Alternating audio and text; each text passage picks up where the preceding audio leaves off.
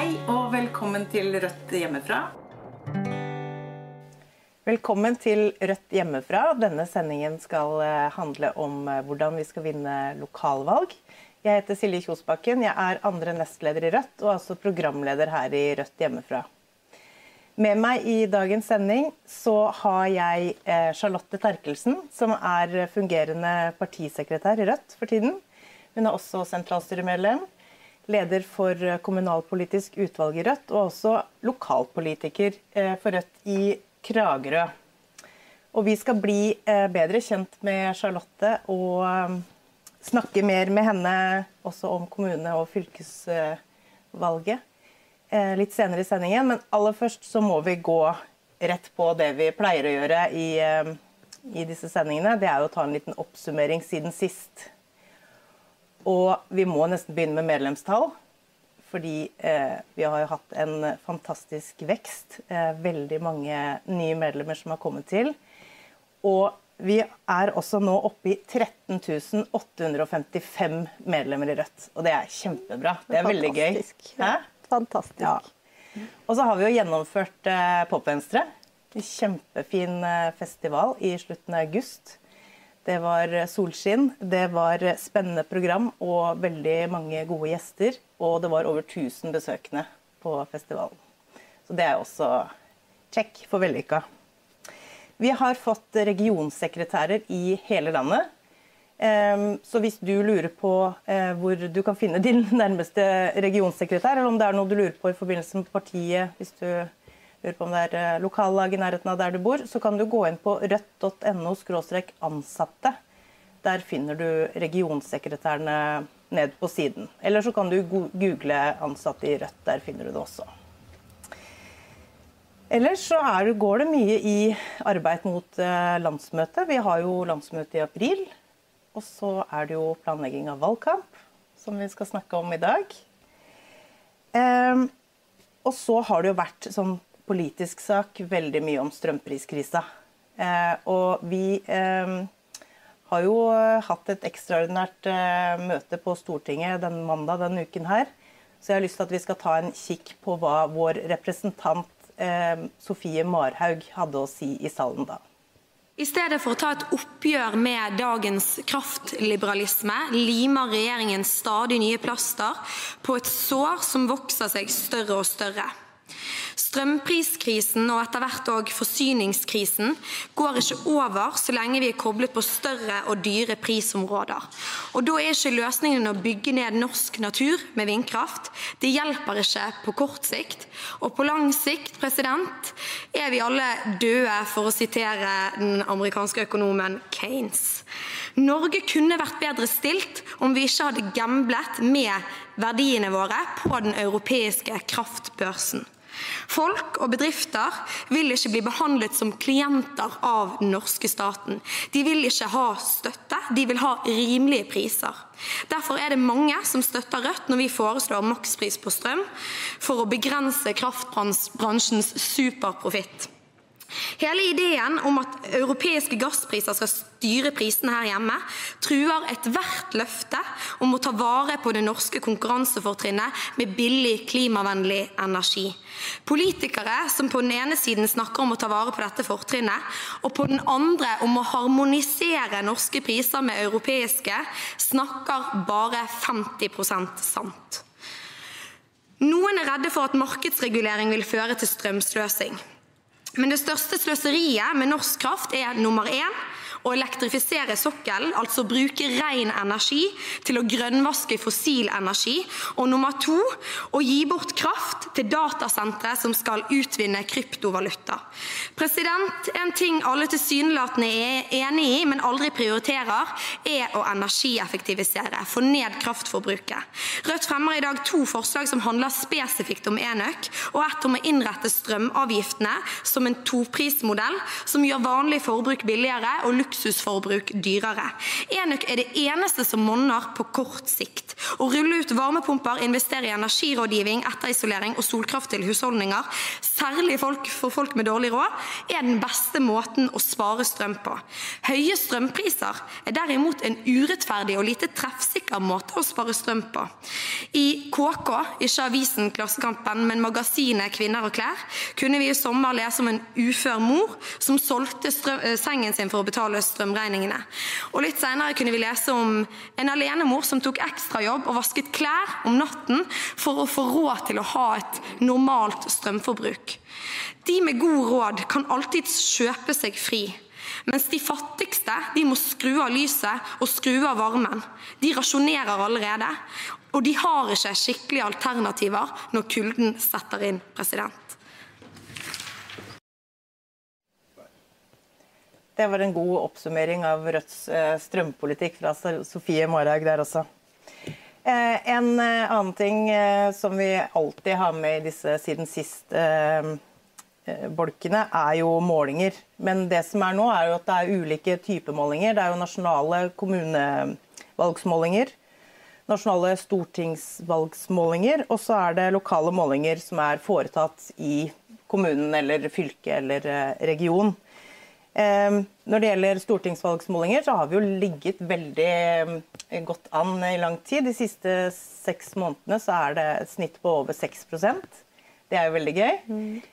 Men vi ser også det, jo gjort, det, utføres jo ikke så veldig mange lokale målinger. Men vi har sett på noen av de som har vært gjort i september, og det lover jo veldig bra. Vi kan nevne Drammen, Voss, Steinkjer, Vestby, Halden. Eh, som noen som har eh, økt veldig siden sist lokalvalg, og det er jo veldig gøy å se. Og det kan jo tyde på at det arbeidet vi gjør på Stortinget og eh, nasjonalt, også eh, er synlig i, i, kommunene og for de som skal velge i kommune- og fylkestingsvalget nå neste år. Så det blir veldig, veldig spennende å følge med på. Eh, vi skal jo snakke litt mer om eh, om dette litt seinere i sendingen, men aller først så vil jeg at uh, dere der hjemme skal få se en prat jeg har hatt med fire eh, Rødt-folk rundt omkring i landet som har vært med på vellykka valgkamp, og skal komme med litt tips til oss på eh, hva som skal til for å lykkes, og hvordan man kan drive god valgkamp. Det er da Mari Riise Knutsen fra Rødt Grorud, Truls Drageseth Dyrland fra Rødt Stavanger, så er det Tina Aarsund fra Rødt Sømna og Hanna Berg fra Rødt Fredrikstad.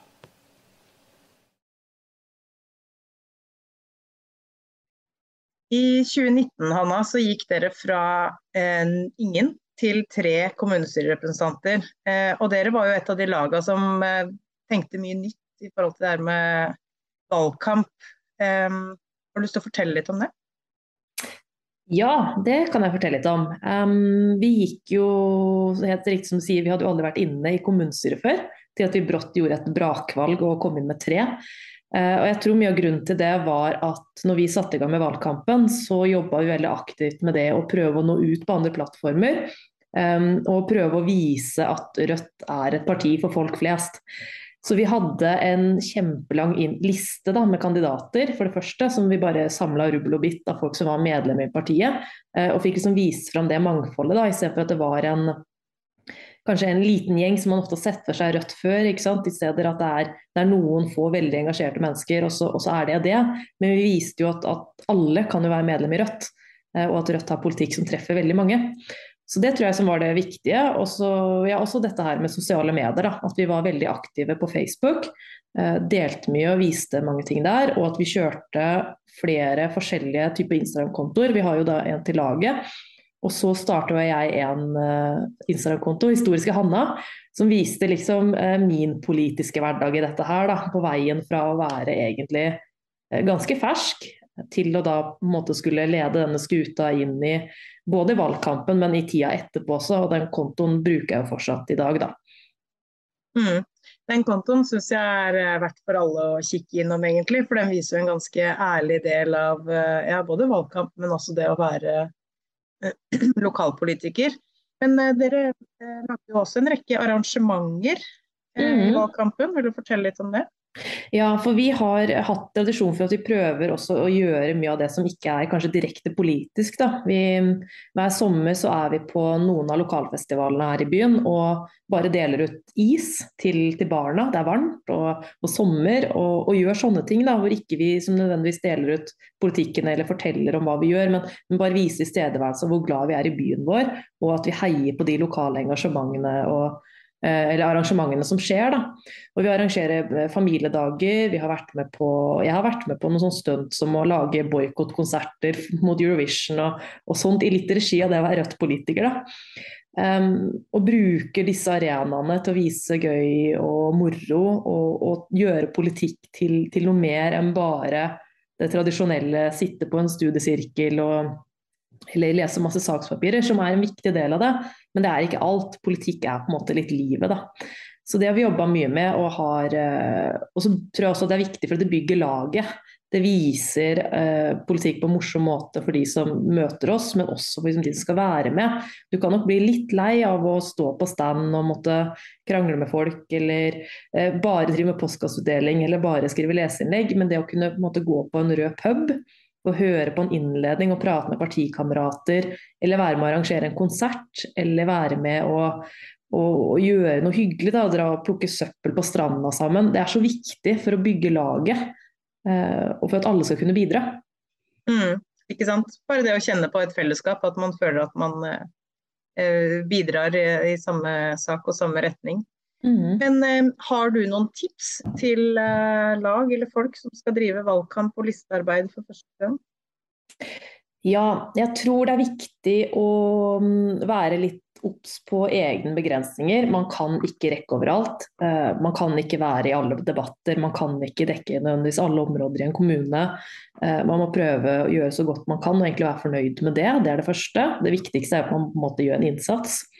Og så tror jeg det er viktig å ta kontakt med andre lag hvor det er representanter som sitter inne allerede, eller som da, um, har holdt på lengre. Da, for da kan man på en måte høste litt av deres erfaringer. Og så håper jeg altså da at de laga som, som er godt etablert og har jobba godt med politikken og, og, kjenner til dette her, ser litt det ansvaret de har også for å følge opp de mindre og nyere laga. Um, og ta på seg en litt sånn en uh, fadderrolle da, for de mindre lagene, fordi at man trenger det. Det er så utrolig vanskelig å stå i noe som ikke du egentlig helt vet uh, hva går ut på. Da. Og jeg hadde masse, eller fikk veldig mye um, tilbakemeldinger fra f.eks. Rødt Moss, som hadde holdt på mye lengre enn det vi hadde i Fredrikstad. Som ga masse tips og triks til hvordan man kunne gjøre ting, og, og det var en veldig hjelp da, både for meg og for laget mitt ikke bare i valgkampen, men også når vi skulle inn i forhandlinger etterpå og vite hvordan ting fungerte. Så det er gull verdt altså, å snakke med andre og bruke det fellesskapet Rødt er. Mm. Ja, det er kjempeviktig. Eh, som du sier, det er eh, et fellesskap vi må liksom bruke for å eh, komme videre og få gjennomslag for politikken vår. Mm. Men eh, tusen takk for at du tok er deg tid, Anna. Hei Truls, du, jeg lurer litt på eh, hvorfor du mener dere lyktes i, eh, i, deres kommune? Jeg tror kanskje det viktigste vi gjorde i Stavanger, iallfall en sånn suksessfaktor, var at vi eh, veldig sånn bevisst skapte en entusiasme eh, rundt eh, Rødt og, og hva Rødt eh, var. Det høres litt banalt ut, men jeg tror det var et veldig bra utgangspunkt for det som ellers er noe godt gammelt valgkampsarbeid. Et eksempel på det en av våre hovedsaker det var å stanse en utbygging og rasering av et område rett forbi sentrum. Eh, og Da la vi inn valgkampåpninga vår til det området. og så leide vi et hoppeslott. Så fikk vi lånt med toppkandidaten til nabokommunen til å komme og grille for oss. Så hadde vi selvfølgelig appell og alt det politiske, men, men vel så viktig så var det å skape en slags følelse av at det er liksom noe stort, her er det noe som skjer. Eh, en sånn, Nå koser vi oss, dette vil jeg være med på og så bruke det og så omsette det i aktivitet i etterkant. Eh, så egentlig Gjennom hele valgkampen så hadde vi nesten ikke sånn tradisjonelle medlemsmøter, men vi hadde store møter. Vi inviterte folk. liksom, Kom, vær med oss, ha det kjekt. Eh, vi samles eh, på, på rett hjemmefravisninger, kjøpte en pizza. Vi så eh, partilederdebatten på kontoret. Eh, for eksempel, når Jonas Gahr Støre kom til Stavanger, så inviterte Arbeiderpartiet på en slags quiz på en lokal eh, pub. Når eh, Lysbakken kom, så holdt han foredrag for 50 stykker. Når Bjørnar kom til oss, så leide den største salen i Stavanger, Folken, for 600 mennesker. Så lagde vi eventen Bjørnar fyller Folken, og det gjorde vi. Eh, altså Vi hadde store planer og vi jobbet for å få det til. og Da skaper liksom en sånn stemning rundt det. Eh, så vi hadde det store folkelige arrangementer, og så brukte vi det. F.eks. når vi har bjørner på Folkeinn, da vet du at da blir det god stemning. Folk blir liksom gira når de går ut. Og Da står vi klar, fullt av bærenett, som har eh, tatt eh, 200-300 løpesedler oppi, og et lite kart, som rotekart som du bruker på utdelinger. Eh, og Bare på den ene kvelden så fikk vi delt ut 20 000 løpesedler hjem til folk, som de tok med i sitt nabolag og delte opp i postkassen. Kosta veldig lite krefter for oss, kosta knapt nok penger. Men vi fikk omsatt den der entusiasmen rundt Rødt til konkret valgkampsarbeid. Um, det tror jeg var veldig viktig. At det ikke er på en måte bare den ene lille kjernen som skal gjøre all jobben, som skal gå i postkassen, skal banke på dører, skal stå på stand. Men å gjøre det så enkelt som mulig for andre å være med og ta del i valgkamparbeidet. Og gjøre det kjekt, og så må det smi når jernet er varmt. Mm. Ja, det har jeg hørt eh, andre si også, det her med litt sånn alternative arrangementer og måter å på en måte bli aktiv på. For det, det er jo ofte Eller det er jo viktig for oss å ha liksom sånne arenaer vi kan eh, møtes på. og jeg syns jo det, det, er veldig fint med sånne åpne møter. Ikke nødvendigvis bare lukka medlemsmøter, men litt åpne møter og liksom eh, holde følerne litt ute og se hvem som har lyst til å bidra, hvem som har lyst til å være aktive. Eh, og det er jo også eh, viktig når du skal få med folk på ja, stå på lister og liksom eh, mm. det å bidra til det valgkamparbeidet som kommer nå, da. Har du noen tips til eh, Det er jo mange nye lag eh, som har lyst til å stille lister, men som kanskje ikke får fylt opp listene. Har du noen tips til de som skal drive valgkamp og kanskje også stå på lister? Ja, altså, så, Når du først skal stille lister for å finne folk, så er det jo å prøve å sette seg litt i, i den posisjonen da, til de som, som er liksom potensielt å stå på den lista. Ja, hvis de ikke er aktive i partiet, eh, og gjør det så enkelt som mulig for de å være med, da er det gjerne å ta en telefon og invitere folk. Og Da trenger du ikke ringe og si du, har du lyst til å komme og stå på lista, men, men uh, inviter de med på et, et møte, uh, en TV-sending, hva som helst og så være litt tidlig ute med det å skape de der viktige sosiale relasjonene. Eh, og, og, på det med valgkamp òg, så er det liksom å, å starte tidlig, ha en liten plan med det. 1. mai kan være et kjempebra utgangspunkt. Eh, skal Rødt-lokallaget ha en samling, en markering etter tog eller før tog, eller hva som skjer i, i din kommune, det tenker jeg er en fin anledning for å, å gjøre en slags sånn kickstart på, på valgkampen. Mm. Ja, det er jo kjempe, Kjempebra. Og dere gikk jo fra én til fire representanter eh, sist valg, så eh, regner med at eh, rådene dine holder, holder vann. ja, for håpe det. Vi har prøvd i to omganger nå. ikke sant? For Vi kopierte jo mye av den samme suksessen på, i stortingsvalget. Det gikk jo òg eh, veldig bra. Så mista vi dessverre mye mer til, til Stortinget for, for, del, men det, jo, det gikk jo kjempebra eh, med, med valgkampen vår. Det var på en måte den, den samme strategien at vi sikter høyt. Vi vil ha store folkemøter. Vi vil bare invitere inn alle som om, Du trenger ikke være medlem, du trenger knapt nok å være interessert i Rødt. Bare du har lyst til å komme og høre hva som blir sagt. I år så er det jo strøm eh, seiler opp som en, en, viktig sak for veldig mange mennesker. Da må vi bruke det. Og så må vi fortelle folk hva er vårt alternativ. Hva mener vi om det?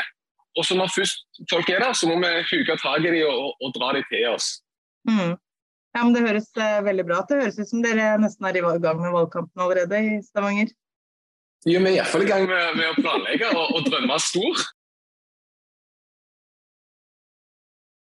Tina, i Sømna så stilte jo dere liste for første gang i 2019, og dere fikk inn en uh, kommunestyrerepresentant. Uh, vil du fortelle hvorfor du tenker at dere lyktes med valgkampen, eller hvordan dere gjorde det? Eh, ja, ja, det vil jeg gjerne gjøre. Um, jeg, jeg, tror vi lyktes så godt pga. at vi er så ute blant befolkninga. Vi, vi, har hele tida følerne ute uh, og hører på hva er det folk syns er viktig. Uh, hva er det de syns er dumt eller bra, eller Og så tar vi det med oss for å prøve å jobbe for, for, de folkene da, inn i f.eks. kommunestyret. Nå er det jo sånn, Neste valg som blir nå, det er jo, det er jo et lokalvalg. Eh, fylkesting og, og, og kommunestyre. Eh, og vi må jo jobbe på en litt annen måte da enn når vi f.eks. har nasjonale valg. Eh, sånn så her i Sømna så var det sånn at eh, ganske på tampen av eh, startskuddet til valgkampen, så fikk vi beskjed her i Sømna om at de skulle legge ned tannklinikken vår. Eh, fylkeskommunen skulle legge ned tannklinikken. Starta jo eh, Eh, eller nærer opp under et voldsomt engasjement. Da. Og der fikk vi jo med kjempemasse eh, flotte folk. Eh, med, både med på lista, men vi fikk dem òg med oss ut på stand uten at de eh, i det tatt var medlem. For hva, eh, hvis vi skal være en folkebevegelse, eh, også at vi skal være et aksjonistparti, så er vi nødt til å koble oss på de lokale sakene som vi finner, eller som, der vi er i de her lokalvalgene. Og vi, vi fikk beholde tannklinikken. Ja, ikke sant. Det er, men det er veldig interessant at du nevner også, fordi eh, eh, det er lett å tenke lokalvalg er bare kommune, men det gjelder jo også fylkeskommunen og eh, fylkestinget. Så det er jo på en måte to valg som pågår samtidig. Og fylkestinget tar seg jo av andre ting enn kommune Eh, styret og Stortinget, bl.a. tannhelse. Eh, så at dere også fikk løfta den saken, viser jo at det er i, i lokalvalg viktig å koble seg på sånne lokale mm. aksjoner. Eh, være seg nabolagsaksjoner til liksom større aksjoner i byen. Da. Ja. ja, det er jo akkurat det. For det er jo litt forskjell på å drive valgkamp i Sømna og eh, f.eks. i Fredrikstad. Eh, det er jo klart at vi, vi, vi, For det første så vil vi jo få helt andre eh, viktige saker å snakke om. Når vi skal jo møte i debatter, og vi skal jo stå på stand. Man ser da òg det her med hvor, hvor jeg tror jo da at i at vi er så små her, så har vi kanskje en større mulighet til å få, få med flere folk, større prosentandel av befolkninga på viktige ting. Og det bruker vi veldig aktivt i, i Rødt Sømna. Mm. Og så er det vel kanskje med lokalpolitikken eh, mer enn den nasjonale politikken at du støtter mer sakene enn eh, liksom eh, partiet sånn eh. jo. jo. det blir jo helt, helt klart veldig sånn. Eh, det jo, og det, ser man jo eh, i, i, de her lokalvalgene at det er jo ikke alltid at og Nå kan jeg prate litt med erfaring da, fra organisasjonsutvalget som jeg sitter i. så er det jo ofte så kan jo kanskje eh, det være forskjellige valg, saker eh, som er viktige og som kjemper eh, i to nabokommuner. Um, der man står helt forskjellig. Mm. Men da igjen viktig å samarbeide regionalt, så vi får en best mulig, eh, best mulig samarbeid, selv om at man er uenig underveis. Ja, men sånn er det jo alltid i et demokratisk parti, at man må diskutere mm. og på en måte ja. finne ut av Det viktigste er å lytte til lokalbefolkningen, og så finner man alltid ut hvordan veien videre går derfra. Nei, men eh, kjempebra. Jeg gleder meg til å sette i gang eh, ny valgkamp nå med bl.a. deg og Sømna. Takk for samtalen, ja. Tina. Det her blir veldig bra. Hei, Mari. Rødt Hei, Silje. Rødt Grorud har jo eh, gjort det veldig bra i Eh, både lokale og nasjonale målinger og valgkamper. Eh, vil du fortelle litt om hva dere gjør eh, som gjør at dere gjør det så bra? Ja, vi starter tidlig å planlegge valgkampen på Grorud. Og ved det siste valget så nedsatte vi en valgkampgruppe som jobba parallelt med styret, men som jobba da utelukkende med å planlegge valgkamp. Planlegge aktiviteter og eh, starta utforming av eh, lokalt tilpassa materiell og forskjellige ting. Eh, så jeg tror noe av det som har vært lurt, har vært å starte tidlig. Og så er det jo ikke sånn at jeg er den første som har drevet valgkamp eller leda en valgkampgruppe. Så har vi har brukt gode, gamle planer også, som har blitt videreutvikla over tid og blitt stadig bedre. Mm. Og så er det jo lett å tenke ja, Oslo, Oslo Oslo, Oslo er en stor by. Men det, det, er jo på sett og vis bygd opp likt som i distrikter eller det som man kalte fylker. Hvis du skal gi et tips nå til nye lokallag som vil stille liste, eller også til de som vurderer å stå på liste selv, hva vil du si til de? Jeg tenker at det er lurt å snakke med andre lag som har kanskje drevet valgkamp tidligere, og som har erfaringer. Det tenker jeg at vi i Rødt må være gode på, å dele gode erfaringer med hverandre. Eh, lage en valgkampplan i god tid, ha noen eh, ideer om hva man har lyst til å få til av stands og aksjoner osv. Og, og kanskje prøve å ikke legge lista altfor høyt. Fordi det er utrolig motiverende hvis man ser at man får til ting man har planlagt. Og det er jo noen ganger også sånn at man kanskje har en plan som man ser at man ikke får eh, gjennomført. Og da, eh, da, trenger man ikke være så lei seg for det. Men eh, jeg tenker eh, prøv å lage en realistisk plan. Og dele opp den planen i mindre bestanddeler, sånn at man ser én og én eh, aksjon eller stand hver for seg. Eh, ellers så lagde vi i vårt lokallag en eh, digital eh, valgkampkalender, eh, hvor folk kunne skrive seg inn. Da så de å ja, da er det fire som skal stå på stand der, da trenger jeg kanskje ikke å prioritere det. Tar jeg heller en morgenaksjon sammen med noen som bare sto alene foreløpig. Så det var en veldig god idé, syns jeg, at vi hadde en sånn digital eh, kalender som vi stadig eh, oppdaterte. Og så sendte vi også ut eh, medlemsbrev en gang i uka etter sommerferien, så fikk folk vite hva er det som skjer denne uka. Det var ikke bare ting som vi gjorde i lokallaget, men eh, ting som skjedde i nærheten som vi også informerte om. For jeg tenker det er viktig at det skjer noe for alle og enhver. Eh, og så eh, kanskje det aller viktigste vår valgkampgruppe gjorde, var jo å kontakte absolutt alle medlemmer. Eh, vi prøvde oss jo først på mail, da svarte jo kanskje en tredjedel. Og så tok vi og sendte en SMS til de som ikke hadde svart. Forberedte de på at vi ville ringe de, så vi hadde til slutt snakka med våre over 100 medlemmer. Og, eh, og de fleste sa faktisk ja til å bidra med noe. Så uh, ja, det var eh, over 50% som var aktive i valgkampen, og det er utrolig hyggelig. Og noen er bare aktive i valgkamp, og kommer ikke på vanlige lagsmøter sånn innimellom uh, valgene. Men uh, det er veldig fint å få, få brukt mange gode ressurser på litt forskjellige måter i forbindelse med valgkamp. Mm, absolutt. Tusen takk for ehm, eh, kloke ord og gode tips, eh, Mari. Det setter vi stor pris på. Og det er jeg sikker på at de der hjemme også som følger med på sendinga i dag, eh, følger med på. Så tusen takk. Bare hyggelig. Ha det. Ha det. Der var det mange gode erfaringer og tips å ta med seg, og vi skal snakke litt mer eh, om de nå. Men først så må jeg jo Det er veldig mange som kjenner deg der ute i partiet, og de som ser på.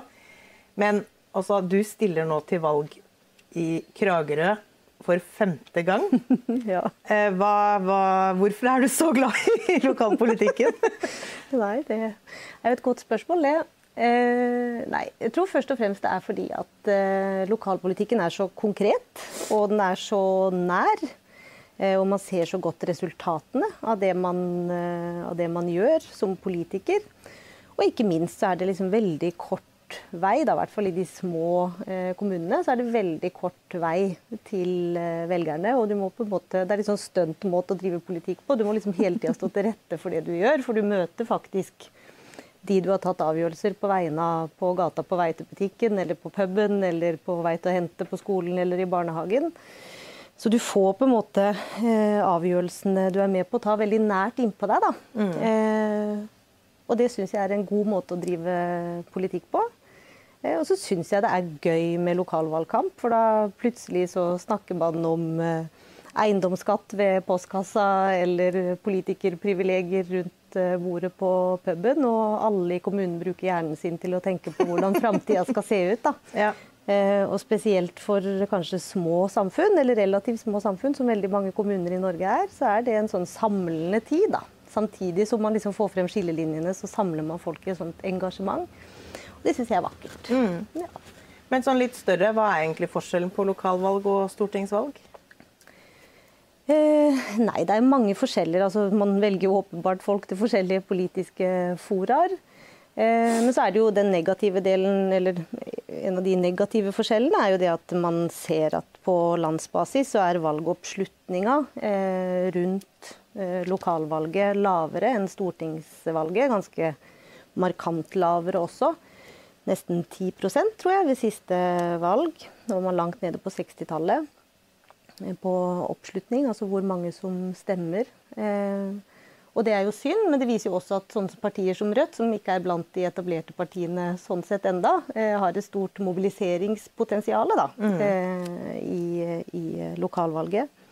Så velger man jo til to ulike folkevalgte forsamlinger, altså eh, kommunestyret og fylkestinget.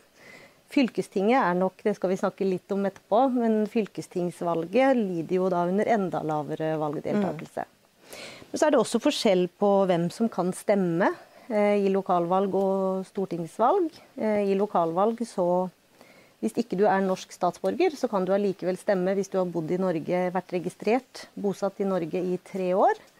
Eh, og for å stemme hvis du er statsborger, så må du ha vært eh, bosatt i Norge innen 30.6 i valgåret.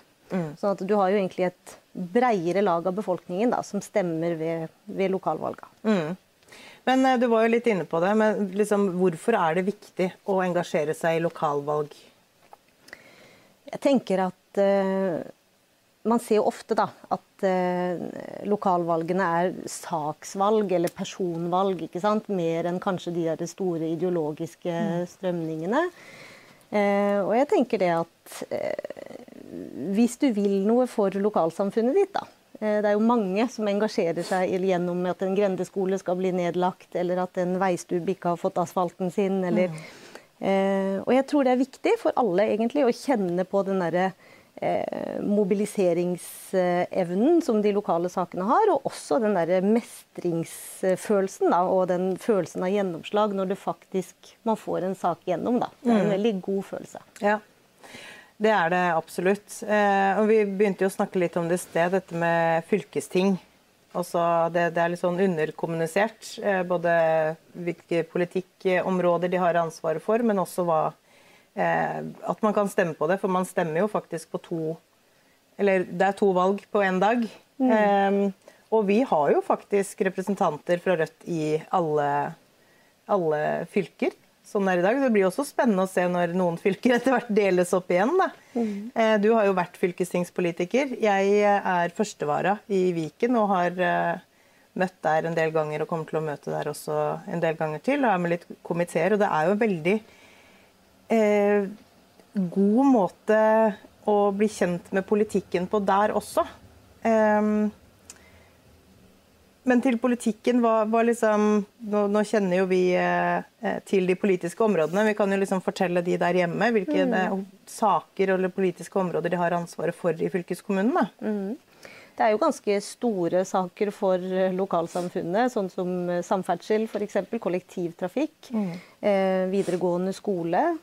Ehm, så det er jo, det er jo store, store, områder. Tannhelse, ikke minst, som mm. er en, eh, noe Rødt er veldig opptatt av. Den neste store velferdsreformen eh, skal jo være gratis tannhelse, har vi programfesta. Eh, så fylkeskommunene har jo en stor del i livet, i livet til, til, menneskene. Men samtidig så er folk eller ofte, da, så glemmer folk at man skal ha to stemmesedler med seg ut av mm. stemmebåsen på lokalvalg. Så det må vi være flinke til å minne dem på i det valget som kommer. Ja.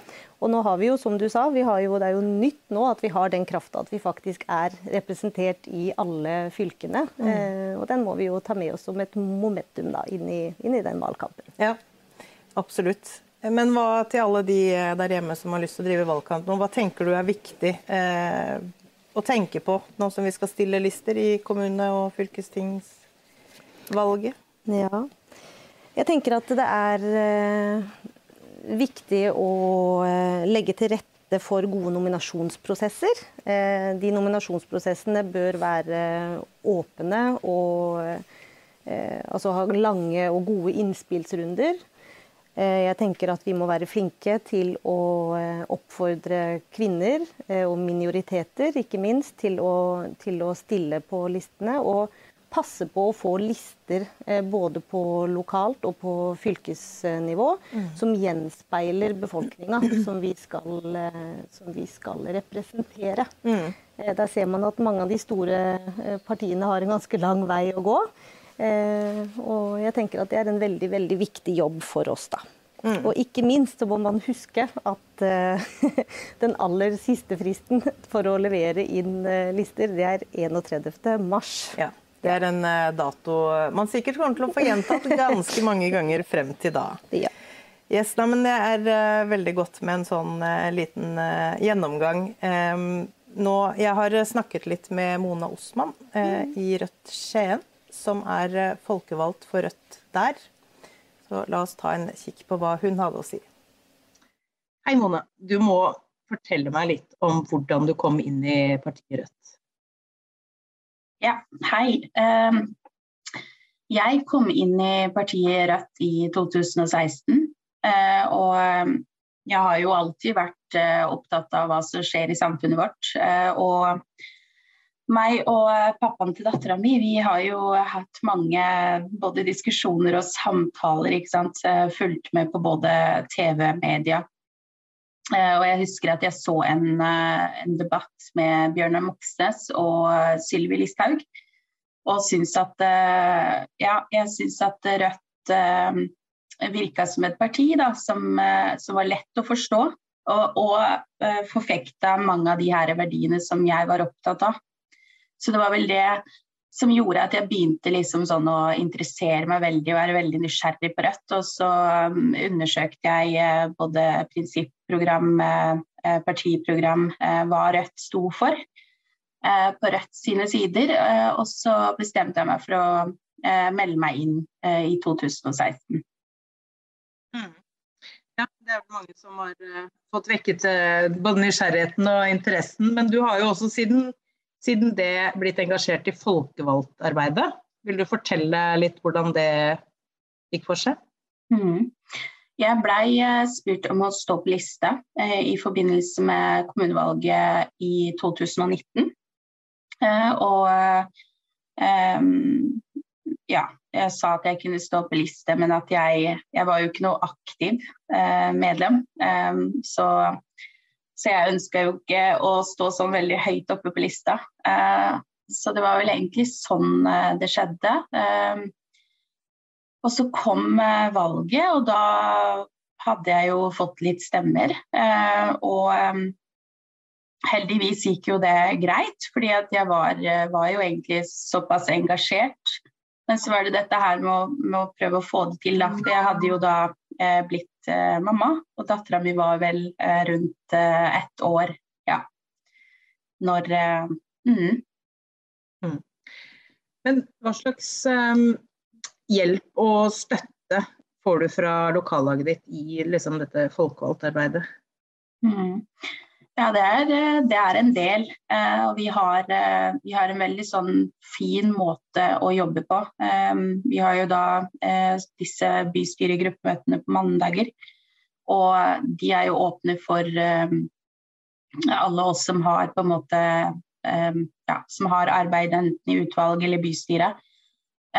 og medlemmer. sånn at det vi fant ut at jeg trengte, og som jeg var veldig ærlig på, da, Ehm, når jeg på en måte kom inn i eh, to, eh, altså to utvalg, da, som er det flerkulturelle utvalget og eh, oppvekstutvalget. og da var jeg ganske ærlig på at da trengte jeg egentlig all hjelp jeg kunne få. I og med at jeg har da dattera mi på fire år, og jeg har, var også et utdanningsforløp og arbeid Eh, så jeg har eh, blant annet så har jeg fått et skyggemedlem til eh, oppvekstutvalget. Som, som da også følger særlig med på de sakene som jeg skal jobbe med.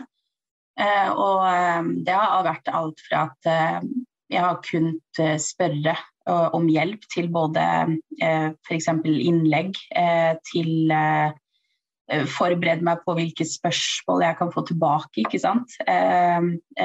Ja.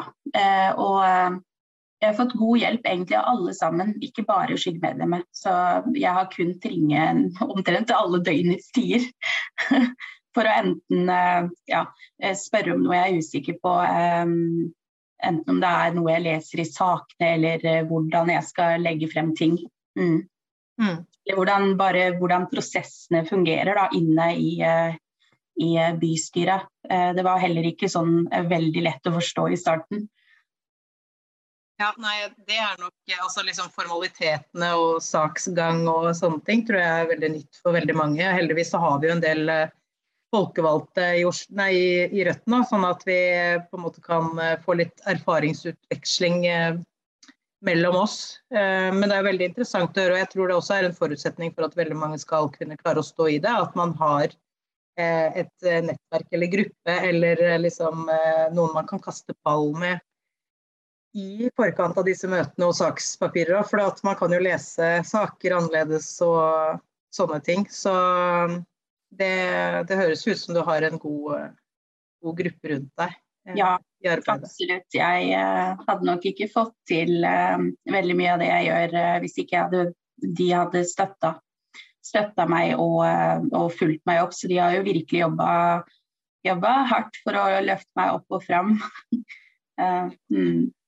Ja. Men hvilke tips er det du har til andre som vurderer å stille til valg, eller stå på liste? Jeg tror at uh, man må begynne med å uh, både være litt ærlig med seg selv, fordi det er uh, tidskrevende. Men, men, det er hjelp å få. Og det er som du sa, at nå har vi jo ganske mange fra partiet som allerede har erfaringer. Og det å det å, å, spørre om hjelp eh, eller eh, si ifra hva, hva, man trenger for å kunne ta del i dette her, det tror jeg er veldig viktig.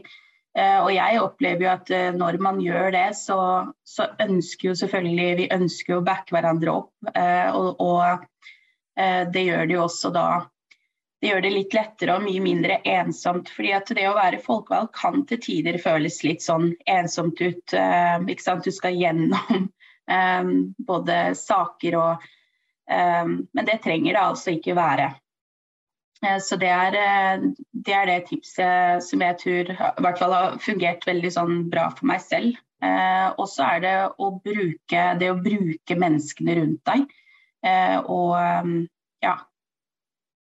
Mm. Det er en samtale man må ta, fordi det er det er ikke lenger usannsynlig å ikke måtte på en måte bidra selv liksom litt lenger ned på lista. Så mm. jeg tror eh, du har gode innspill der. Og så er det viktig å ta diskusjonen litt på forhånd også. Ikke bare ja. stå på liste og ta den etterpå.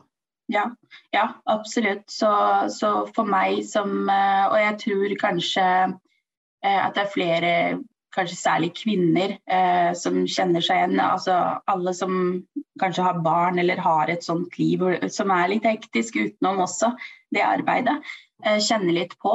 Så for meg var dette her veldig viktig. Um, um, at det, det, så litt sånn umulig ut. Hvordan skulle jeg klare dette her? Eh, men når man oppdager at man man kan være et lag eh, og um, få den gode støtta. Så vil jo også ting gå litt mer av seg selv etter hvert, eh, sånn for egen del.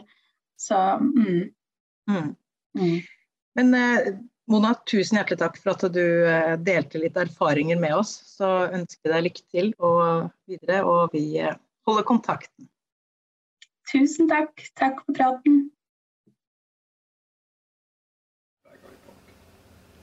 Det var eh, Mona Osman fra Rødt Skien eh, om det å være folkevalgt. Og hun kom jo inn på dette med å være både kvinne og mamma eh, i det folkevalgtarbeidet også. Hvordan man eh, balanserer det og på en måte eh, kombinerer det. Og derfor har vi også fått med oss eh, Gyro Fjordheim Fjermdal, som er leder for kvinnepolitisk utvalg i Rødt og sitter i sentralstyret til Rødt. Velkommen. Tusen takk. takk. Du var jo med for et par sendinger siden også i, mm -hmm. eh, ved 8. mars-sendinga vår. Mm. Eh, så du begynner å bli sånn fast gjest i sofaen. ja. Booke meg inn hver gang. ja. Men eh, hvordan er det egentlig med kvinneandel i valg? Ja, det er jo På en måte så er det jo bedre nå enn det har vært, så det går jo på en måte framover. Men hvis jeg husker litt sånn hvordan det var med lokalvalgsutviklinga, da, så går det jo veldig veldig sakte. Og det er jo fortsatt sånn at det er i hovedsak så er det jo en majoritet av menn som stiller på listene. Og ofte hvis en ser på topplasseringer, så er jo den skjevfordelinga enda verre. da.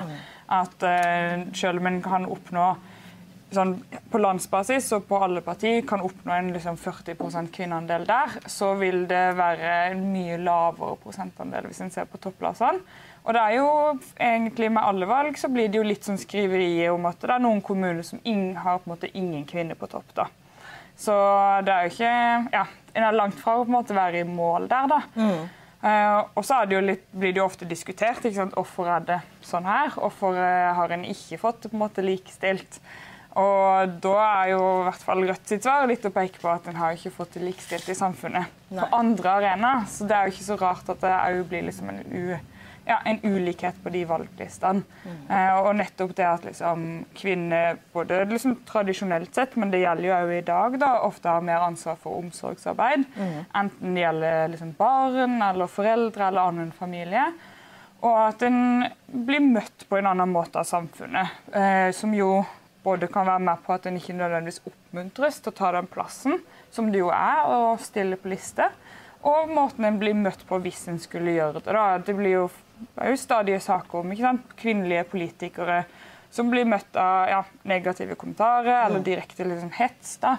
Eh, enten det er liksom, media, kanskje spesielt sosiale medier, men òg liksom, akkurat faktisk i kommunestyret, liksom, salen da, eller stortingssalen. At en der òg kan møte på den forskjellsbehandlinga. Mm. Ja. Men hva, hva, kan vi gjøre for å sikre at flere kvinner deltar i lagsarbeid og politikken? Sånn, hvis vi tenker på oss i Rødt, da, så er det som Mona var inne på, ganske viktig. At en tenker på det som en sånn kollektiv oppgave. Eh, at en ikke er liksom, enkeltpersoner som skal mm. fikse ting, men at en faktisk er en gruppe eller et kollektiv som skal ordne ting. Og Det gjelder jo både når en skal stille til liste, eller stille til liksom, kommunestyret eller eh, fylkestinget. Men det tenker jeg er en idé eller en tanke vi må ha med oss i alt. Det er jo når en skal lage et uh, styre i lokallaget, f.eks. At det handler litt om å være den gruppa sammen som gjør noe, eller det fellesskapet. da. Mm. Eh, det er jo litt den fellesskap fungerer-tanken. Handler jo ikke bare om på de store samfunnstingene, men det handler jo om òg liksom ned på lokalsamfunnsnivå. da. Mm. Det er en viktig bit der. Og så er det jo litt det med Eller en måte sånn eh, mer formell bit en kan gjøre, er, handler jo om det med kumulering. For der er det jo Det vil jo si at en viss andel, eller en viss del av troppen av lista, da, eh, får en ekstra andel av personstemmene. Og det er på en måte partiet sin måte å si sånn Dette er de folkene vi på en måte vil garantere oss at kommer øverst etter at alle har avgitt stemme. Uh, og da er det jo litt det å passe på at de en har kumulert, eller de en har liksom satt over den streken, at der er jo at en har et flertall av kvinner. Mm. For de som er liksom under, der vil det jo ha mye mer å si hvordan personstemmer blir. Mm. Hvordan rekkefølga der blir. Så det tenker jeg er en sånn rent konkret ting som lokallagene kan ha med seg. Mm. Og så har vi jo, eh, som vi har i vedtektene, akkurat som vi har til lokallagsstyret alle andre organ en velger, så har en jo det kravet om 50% kvinner. da. Mm. Og i tillegg at annenhver på lista helst skal være kvinne, for at en sikrer at det ikke bare blir litt sånn listefyll nederst, men Nei. at det faktisk er folk som er på en måte reelle kandidater som ønsker å stille. da. Mm.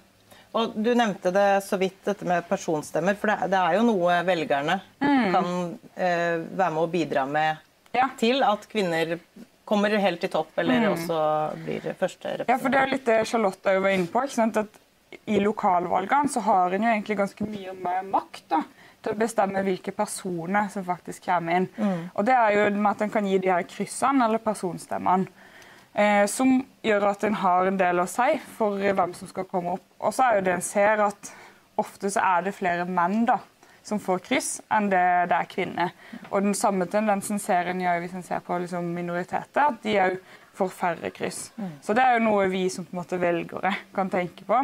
Eh, altså at eh, ok, men hvis en ser en liste og tenker sånn Ja, de her damene de er ganske bra, de ville ha inn. At en faktisk setter på de kryssene, da. Mm. For å litt motvirke den tendensen en ser ellers. Og så sjekka jeg bare opp nå. For den skulle bare sjekke sånn Ja, at det fortsatt stemte at menn får flere kryss, og det gjør det jo. Men da er det jo valgforskere som sier sånn Den tenker at det ikke handler om diskriminering, men at det, fordi det er personvalg, så handler det litt om hvem som er synlig og ikke. Og det tenker jeg jo han sikkert har for så vidt rett i, men at en hopper litt bukk over at det med synlighet er jo handler om kjønn. da. Mm. Eh, hvem som måtte få lov til eller bli synlige. At det jo handler om eh, hvilke forutsetninger en har i utgangspunktet, og som vi var inne på i stad, hvordan en blir møtt ja. hvis en velger å være synlig. da. Så jeg tror Det er jo ikke nødvendigvis noen sånn vond vilje, men det handler jo litt om alle de strukturene mm. som legger opp til det. da. Ja. Og at det at vi blir bevisste på det For jeg tror det er ofte jeg har stemt og ikke nødvendigvis tenkt på å gi personstemme i det hele tatt. Men det at en vet at sannsynligheten for at de her damene ikke får så mange personstemmer av andre, kan jo være et slags ekstra insentiv til at vi hiver på noen kryss. da. Mm. Men det, det, tror jeg er veldig viktig. at liksom Bevisstgjøring eh, på de strukturene som faktisk er så veletablerte i samfunnet at vi ikke eh, legger merke til dem engang. Mm. At eh, det er en sånn eh, ja, bevisstgjøring. Men eh, dere gjør jo eh, mye veldig godt arbeid i utvalget, Gyro. Dere har jo hatt kvinnekonferanse, og, men dere har også hatt vet at ikke det er noen konklusjon klar ennå, men dere har jo sendt ut en undersøkelse til kvinnelige ja. medlemmer. Vil du fortelle kort om den? Ja, fordi det er jo nettopp blitt som vi var inne på i sted, sånn, hva kan vi i partiet gjøre for at det faktisk skal bli liksom lettere da, eh, å være dame og ta på seg verv, enten det er liksom tillitsverv sånn i et lokallagsstyre, eller om det er å stille på liste.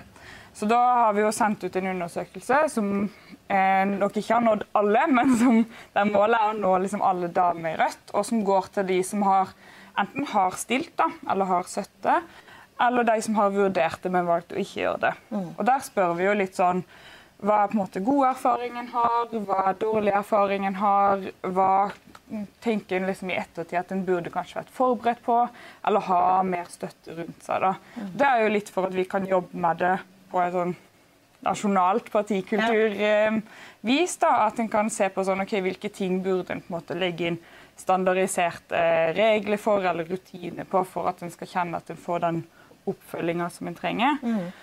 Og at alle de tingene som på en måte samfunnet gjør, eh, eller fører til, som fører til at det blir ulike forutsetninger. Se litt på den, og Hva kan vi som parti gjøre for at det skal ha minst mulig å si i Røtta. Mm. For vi er jo ikke liksom fraskilt fra samfunnet ellers. Vi blir jo påvirka av det, sosialisert inn i det. Så blir det litt sånn OK, hva må vi gjøre for at det skal ha minst mulig å si? Ja. For hva en har mulighet til å gjøre i vårt parti. Veldig spennende. Jeg gleder meg til å høre mer om den undersøkelsen. Og... Ja, og Vi har jo fått veldig mange svar, og så håper vi at nå er det jo enda flere som får høre om den. Ja. Da får vi kanskje enda flere svar, ja. så vi har masse å bygge på videre. Ja, Men det blir veldig gøy. Jeg regner med at vi blir holdt uh, orientert og oppdatert. Og, ja. Det er veldig bra. Jeg skulle gjerne ha sittet og prata mer om det her, men vi begynner å nærme oss uh, slutten.